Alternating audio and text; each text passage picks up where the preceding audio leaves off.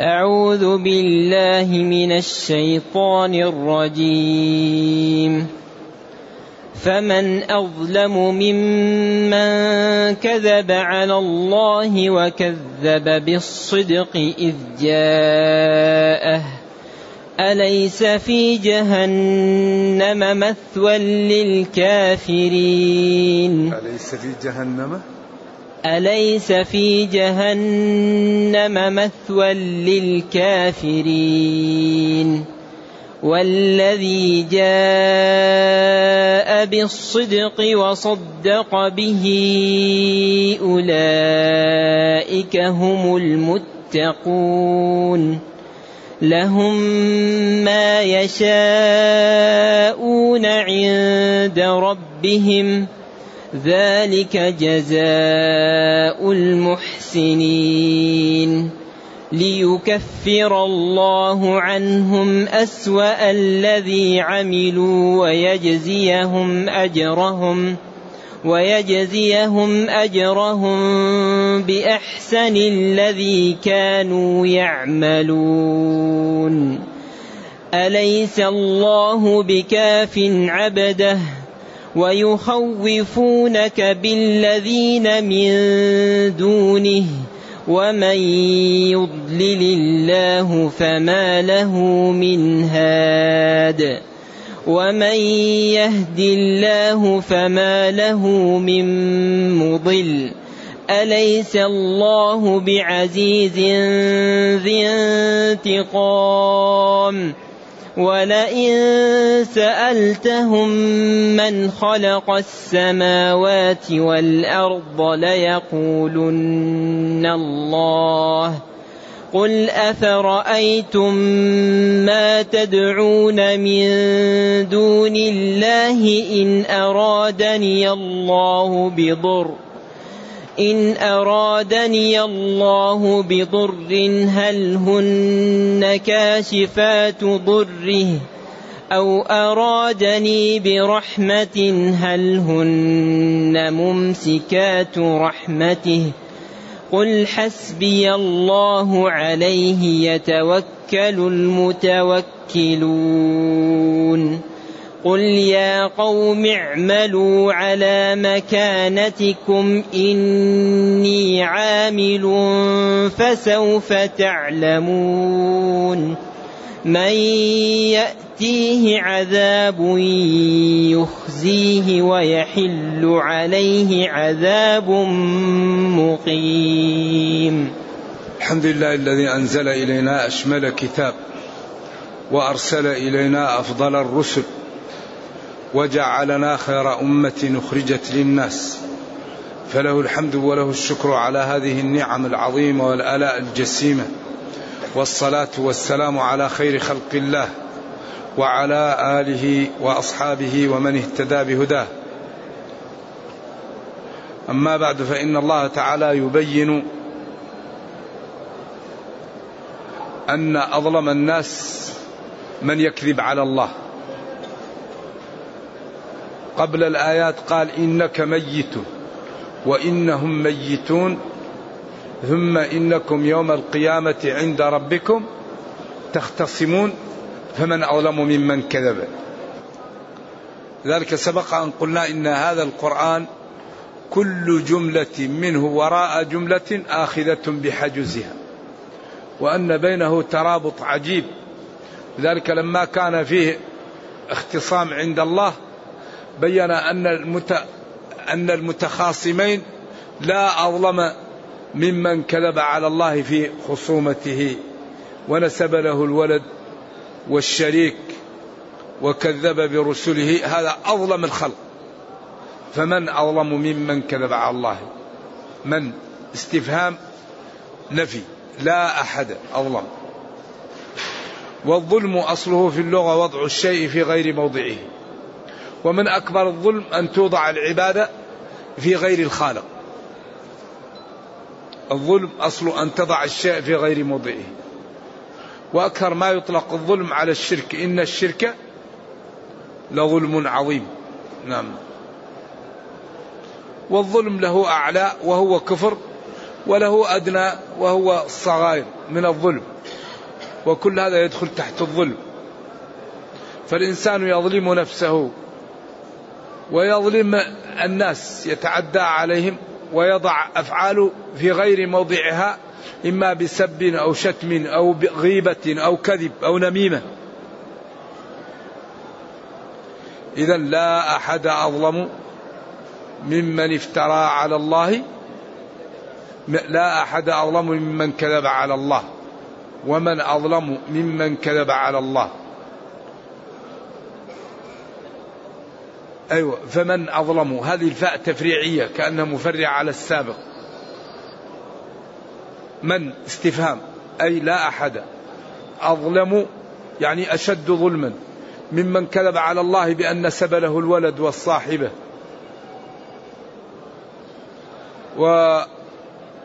ووصفه بالنقص عياذا بالله. قالت اليهود يد الله مغلولة غلت أيديهم ولعنوا بما قالوا.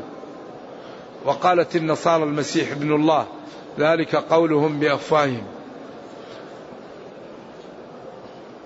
وكذب بالصدق إذ جاءه وكذب وكذب. كذب على الله يعني كفر به وعبد غيره. في كذب وفي كذب. وكذب بالصدق إذ جاءه. كذب بالقرآن وبالشريعة وبالنبي صلى الله عليه وسلم إذ جاءه الحق كذب به ولم يقبله.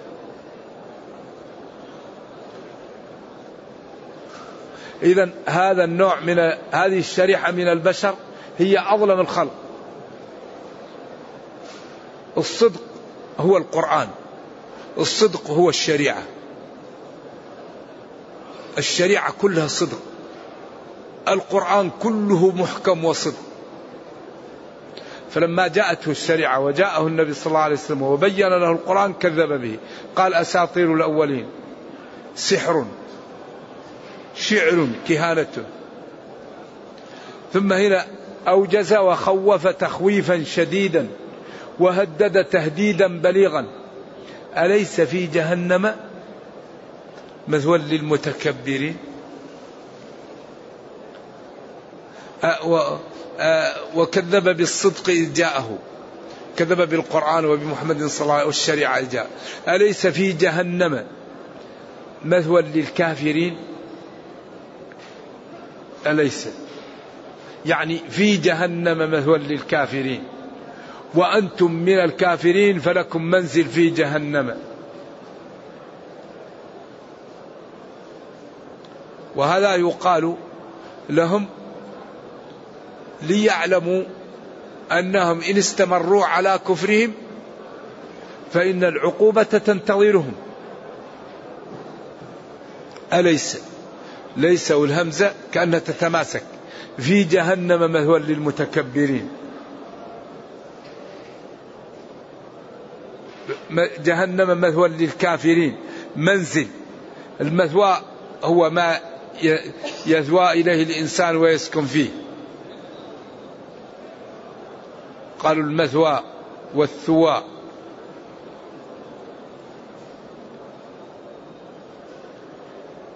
إذا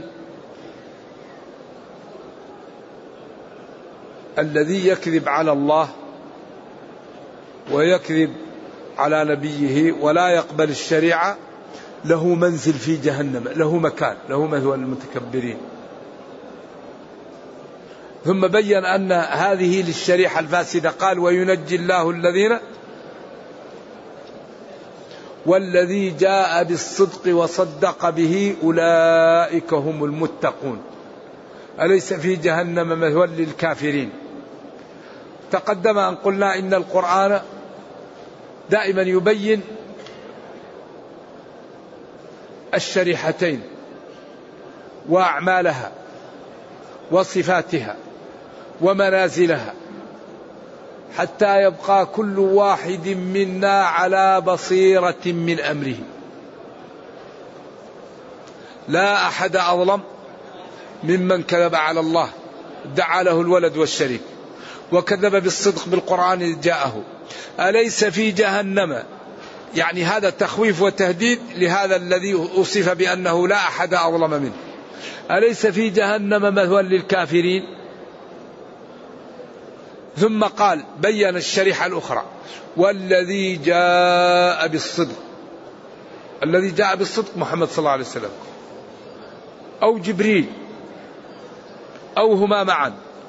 وصدق به محمد صلى الله عليه وسلم. أو المسلمون. أو هم معا. أحسن شيء العموم. والذي جاء بالصدق سواء كان جبريل أو محمد صلى الله عليه وسلم أو أتباعه وصدق به بالحق سواء كان محمد أو جبريل أو المؤمنون كله. أولئك هم المتقون. أولئك لا غيرهم ممن كذبوا على الله. وإيش؟ وافتروا. هم المتقون أي الذين اتقوا الله تعالى بطاعته فنجوا من العقوبة. لهم ما يشاءون عند ربهم. لهم هذه الشريحة. ولذلك قال والذي جاء بالصدق. أولئك. والذي جاء بالصدق وصدق به أولئك. إذا والذي هنا بمعنى الذين. الذي تأتي بمعنى الذين. مثلهم كمثل الذي استوقد. الذين استوقدوا. بدليل أولئك. ولهم ما يشاءون. فالذي تأتي بمعنى الذين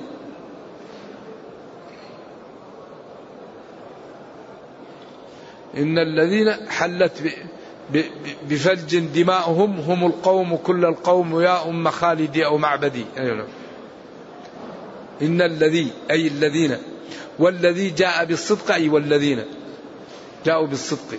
وصدقوا به أولئك هم المتقون. هم الذين تجنبوا المعاصي وامتثلوا الأوامر. هؤلاء لهم ما يشاءون عند ربهم.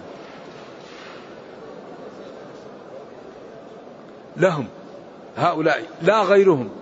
ما يشاءون يطلبون عند ربهم. بيوت أزواج بساتين خدم أطعمة فواكه. ما يشاءون عند ربهم. كل ما يشاءون يجدونه. فيها ما تشتهيه الأنفس وتلذ الأعين وأنتم فيها خالدون. أصحاب الجنة اليوم في شغل وظل ممدود وماء مسكوب وفاكهة كثيرة لا مقطوعة ولا ممنوعة وفرش مرفوعة. إنا أنشأناهن إنشاء فجعلناهن أبكارا عربا أترابا لأصحاب اليمين. هذا الذي ينبغي للعاقل أن يجتهد ليكون عنده هذا يوم القيامة. لهم ما يشاءون عند ربهم. ذلك جزاء المحسنين. الجزاء هو الأجر. المحسنين جمع محسن. والمحسن هو الذي يفعل الشيء الذي يستحسنه الناس من الواجب والمندوب والمباح. لا ينزل عن المباح المحسن. الواجبات أحسن. والمندوبات حسن. والمباح حسن. ليكفر الله عنهم أسوأ الذي عملوا. بتوبتهم وطاعتهم لربهم. وأسوأ ما يعمل الإنسان الشرك والكفر. يكفره الله عن من باب أحرى ما دونه. من باب أحرى ما دونه من الذنوب. وتعلمون أن كل الذنوب تغفر من غير توبة إلا الشرك. فالشرك لا يغفر إلا بالتوبة. ومن مات على الشرك لا طمع له في الجنة. ومن لم يمت على الشرك له طمع في الجنة. يدخل الجنة إن شاء الله. ليكفر الله عنهم أسوأ الذي عملوا. شوف هنا يعني من كل الجهتين يعطيه أحسن. كفر عنهم أعظم شيء وهو الشرك. وجزاهم بأحسن أعمالهم. يكفر الله عنهم أسوأ الذي عملوا ويجزيهم أجرهم بأحسن الذي كانوا يعملون. أحسن. لذلك في الشريعة أحسن وحسن. والشريعة لا يوجد فيها قبيح. ما ربنا لم ينهى عنه حسن وغيره القبيح والمستهجن. فالحسن أن الإنسان إذا ظلم يكافي والأحسن منه أن تعفو.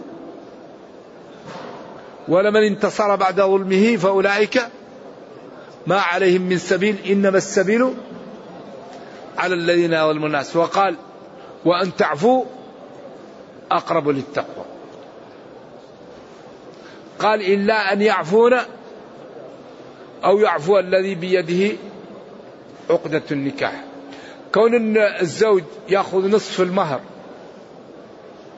والمرأة الزوجة تأخذ نصف المهر للمرأة التي طلقت قبل المسيس وبعد تعيين المهر هذا حسن.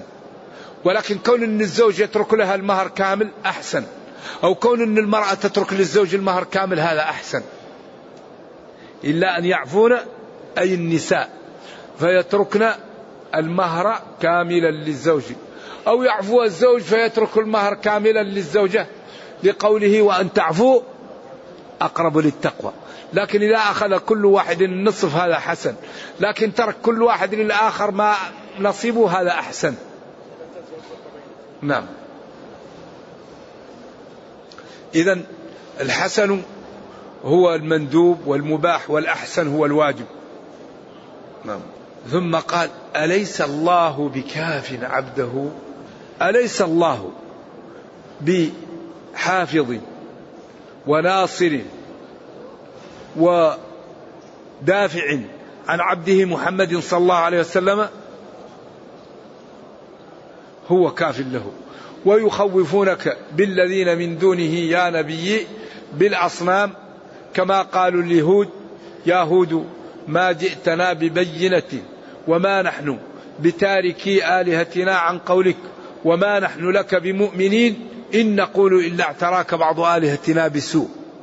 فثارت فيه غريزة الإيمان وقال إني أشهد الله واشهدوا أني بريء مما تشركون من دونه فكيدوني جميعا ثم لا تنظرون.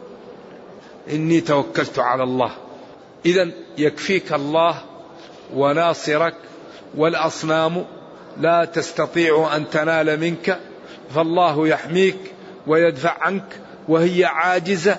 لا تقدر على شيء لنفسها فكيف تقدر أن تنال منك؟ فاطمئن وسر على ما أنت عليه. فالله مؤيدك وناصرك ومن يضلل الله فما له من هاد. الذي يضلله الله ويبعده عن قبول الحق فلو دعوته وبينت له لا يهتدي.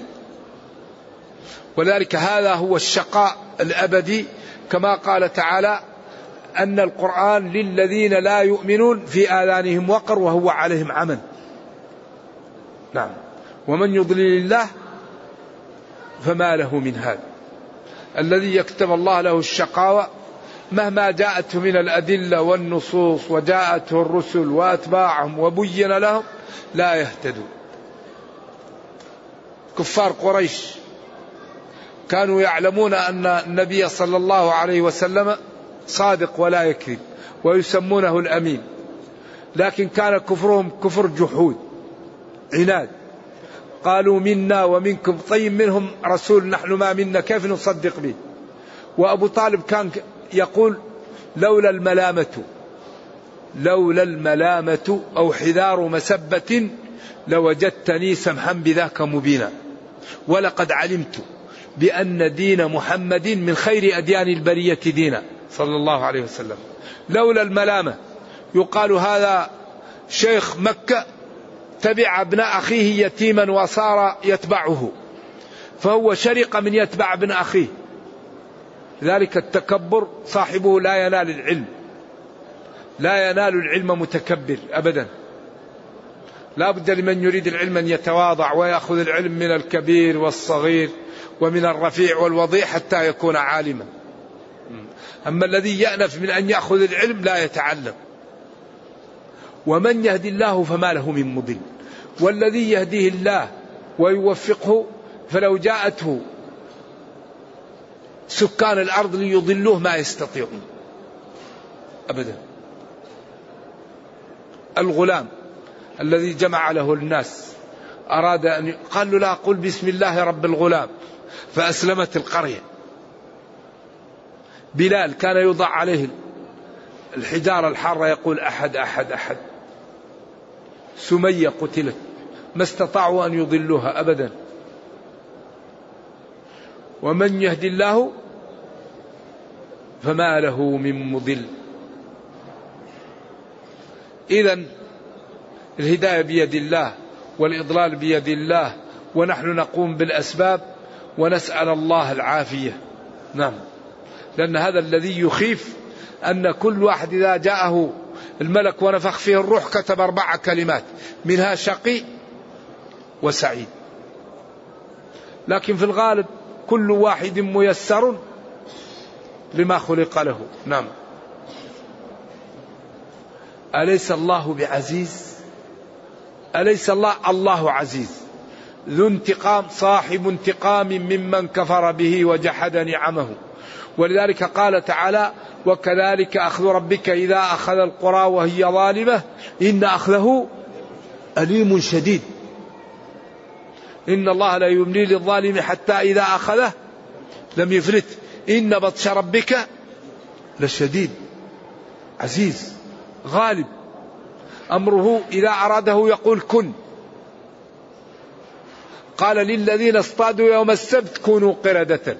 فتغيرت أشكالهم وقال للصخرة انفتحي عن ناقة فانفتحت عن ناقة وقال للنار كوني بردا فأصبحت برد. قال سلاما ولم يتجمد إبراهيم. من هذه صفاته؟ أليس من الجنون أن يعصى؟ أليس من الجنون أن تنتهك آه يعني نواهيه وتعطل أوامره؟ من هذه قدرته؟ من هذه صفاته؟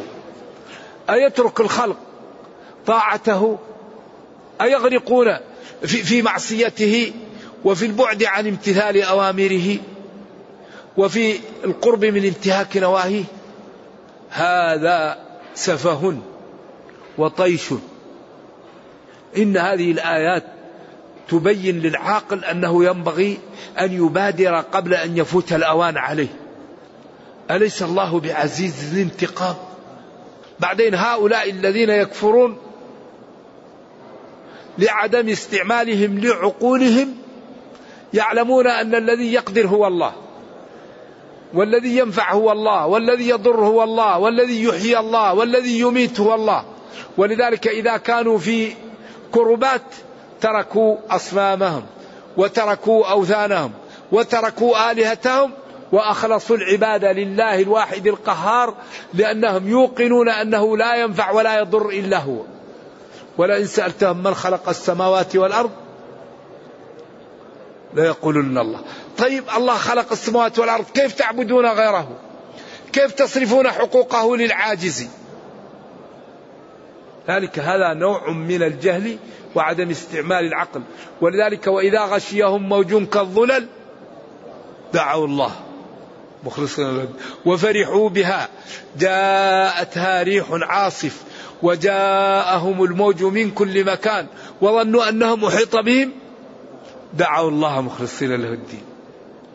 طيب ما دام في البحر لا ينجي إلا هو ففي البر لا ينجي إلا هو.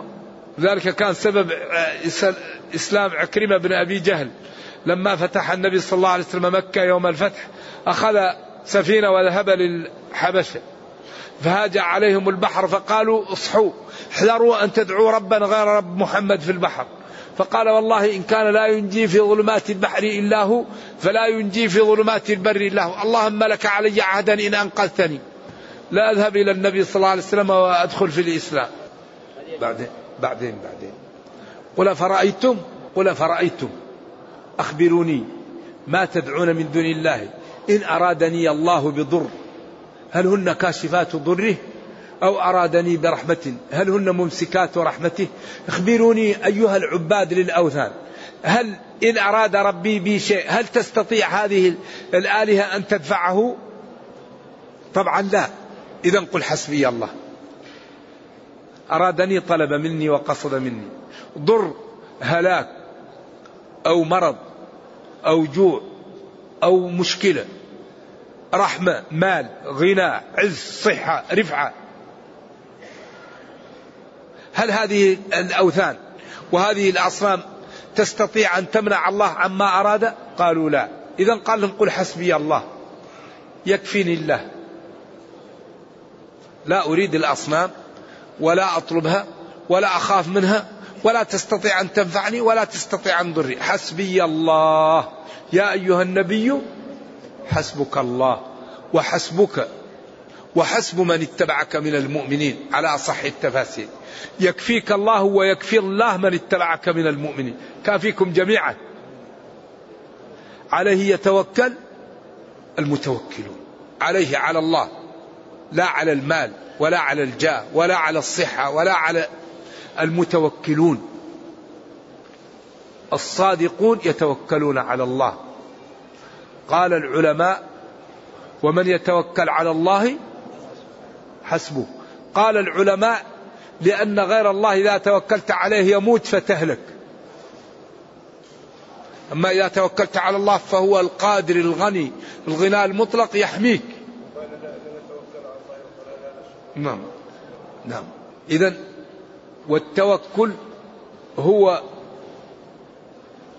الثقة. والطمأنينة والتجاء أن ما ينفعك ولا يضرك إلا الله ولا يأتيك شيء إلا من الله وما أراده الله حصل وما لم يرده لم يحصل ولكن تقوم بالأسباب وأنت تعرف أنها لا تضر ولا تنفع. إنما ينفع ويضر ربك. أمرنا بالحج وأن نطوف بالبيت والبيت لا يضر ولا ينفع. الذي يضر ينفع الله. نروح العرفات لا تضر ولا تنفع أن ينفع الله. أمرنا بالصوم كل هذا ابتلاءات. ولذلك قال عمر والله إني لا أعلم أنك حجر. لا تنفع ولا تضر. ولولا أني رأيت رسول الله صلى الله عليه وسلم يقبلك ما قبلتك. هذا الفقه في الدين. لكن الله جعل هذا المكان لحط الرحال لحط الذنوب للتوبة. للتزود من الطاعة لأن الله قال وليطوفوا بالبيت العتيق. وقال وأذن في الناس بالحج يأتوك. وقال ولله على الناس. فأوجب هذا المحل فهو طاعة لله ليس طاعة للحجر ولا ونلمس من الأركان. ما أمر الشرع أن نلمسه ولا نلمس ما لم يؤمر الشرع به. إذا ويخوفونك بالذين من دونه وهي الأصنام. ومن يهدي الله ومن يضلل الله فما له من هاد. ومن يضلل الله فما له من هاد. ومن يهدي الله فما له من مضل. أليس الله بعزيز الانتقام عزيز غالب. ينتقم ممن عصاه وكفر به. ثم قال ولئن سألتهم من خلق السماوات والأرض ليقولن الله. قل فرأيتم أخبروني. إن أراد الله بي أو بالخلق. ضر هل تستطيع الأصنام أن تدفعه؟ أو أراد بي خير هل تستطيع الأصنام أن تمنعه؟ قول قالوا لا. قل لهم لا لا تستطيع. حسبي الله كفاني عليه يتوكل. متوكلون. ثم قال يا قوم أصلها يا قومي اعملوا أمر للتهديد والتخويف على مكانتكم على حالتكم. إني عامل على حالتي. فسوف يدل على الاستقبال. تعلمون من يأتيه عذاب يخزيه ويحل عليه عذاب مقيم ومن يكون في الجنان وفي الرفعة. فسوف تعلمون أي الفريقين أضل وأي الفريقين عنده الحق. إنا أنزلنا عليك الكتاب. انتهى. نعم.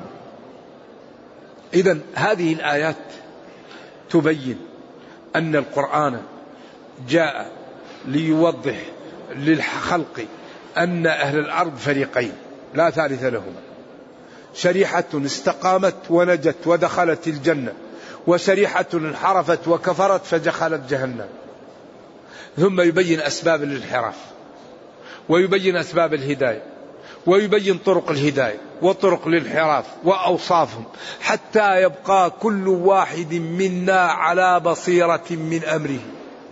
فلا عذر لنا بعد هذا البيان. فينبغي لنا أن نصحب هذا الكتاب أن نقرأه أن نفهمه أن نمتثل أوامره أن نجتنب نواهيه أن نتخلق بأخلاقه أن نتأدب بآدابه. لا بد أن نجعل بيننا وبين هذا الكتاب صحبة لنع... ليعزنا ربنا في الدنيا ويرحمنا في الأخرى لأنه ضمن لمن تمسك به أنه لا يضل ولا يشقى وضمن لمن أعرض عنه أنه يعيش في الدنيا عيش ضنكا ويحشر يوم القيامة أعمى. والحقيقة أن هذه الآيات تبين الطريقة التي ينجو بها الناس والطريقة التي يهلك بها الناس وطريقة هؤلاء وطريقة هؤلاء وكل واحد يبادر قبل أن يفوت الأوان. نرجو الله جل وعلا أن يرينا الحق حقا. ويرزقنا اتباعه وأن يرينا الباطل باطلا ويرزقنا اجتنابه وأن لا يجعل الأمر ملتبسا علينا فنضل. اللهم ربنا أتنا في الدنيا حسنة وفي الآخرة حسنة وقنا عذاب النار. اللهم اختم بالسعادة آجالنا وقرم بالعافية غدونا وآصالنا. واجعل إلى جنتك مصيرنا ومآلنا يا أرحم الراحمين. سبحان ربك رب العزة عما يصفون وسلام على المرسلين والحمد لله رب العالمين والسلام عليكم ورحمة الله وبركاته. هذا كان عنده سؤال واحد. لحظة لحظة. الله أعلم.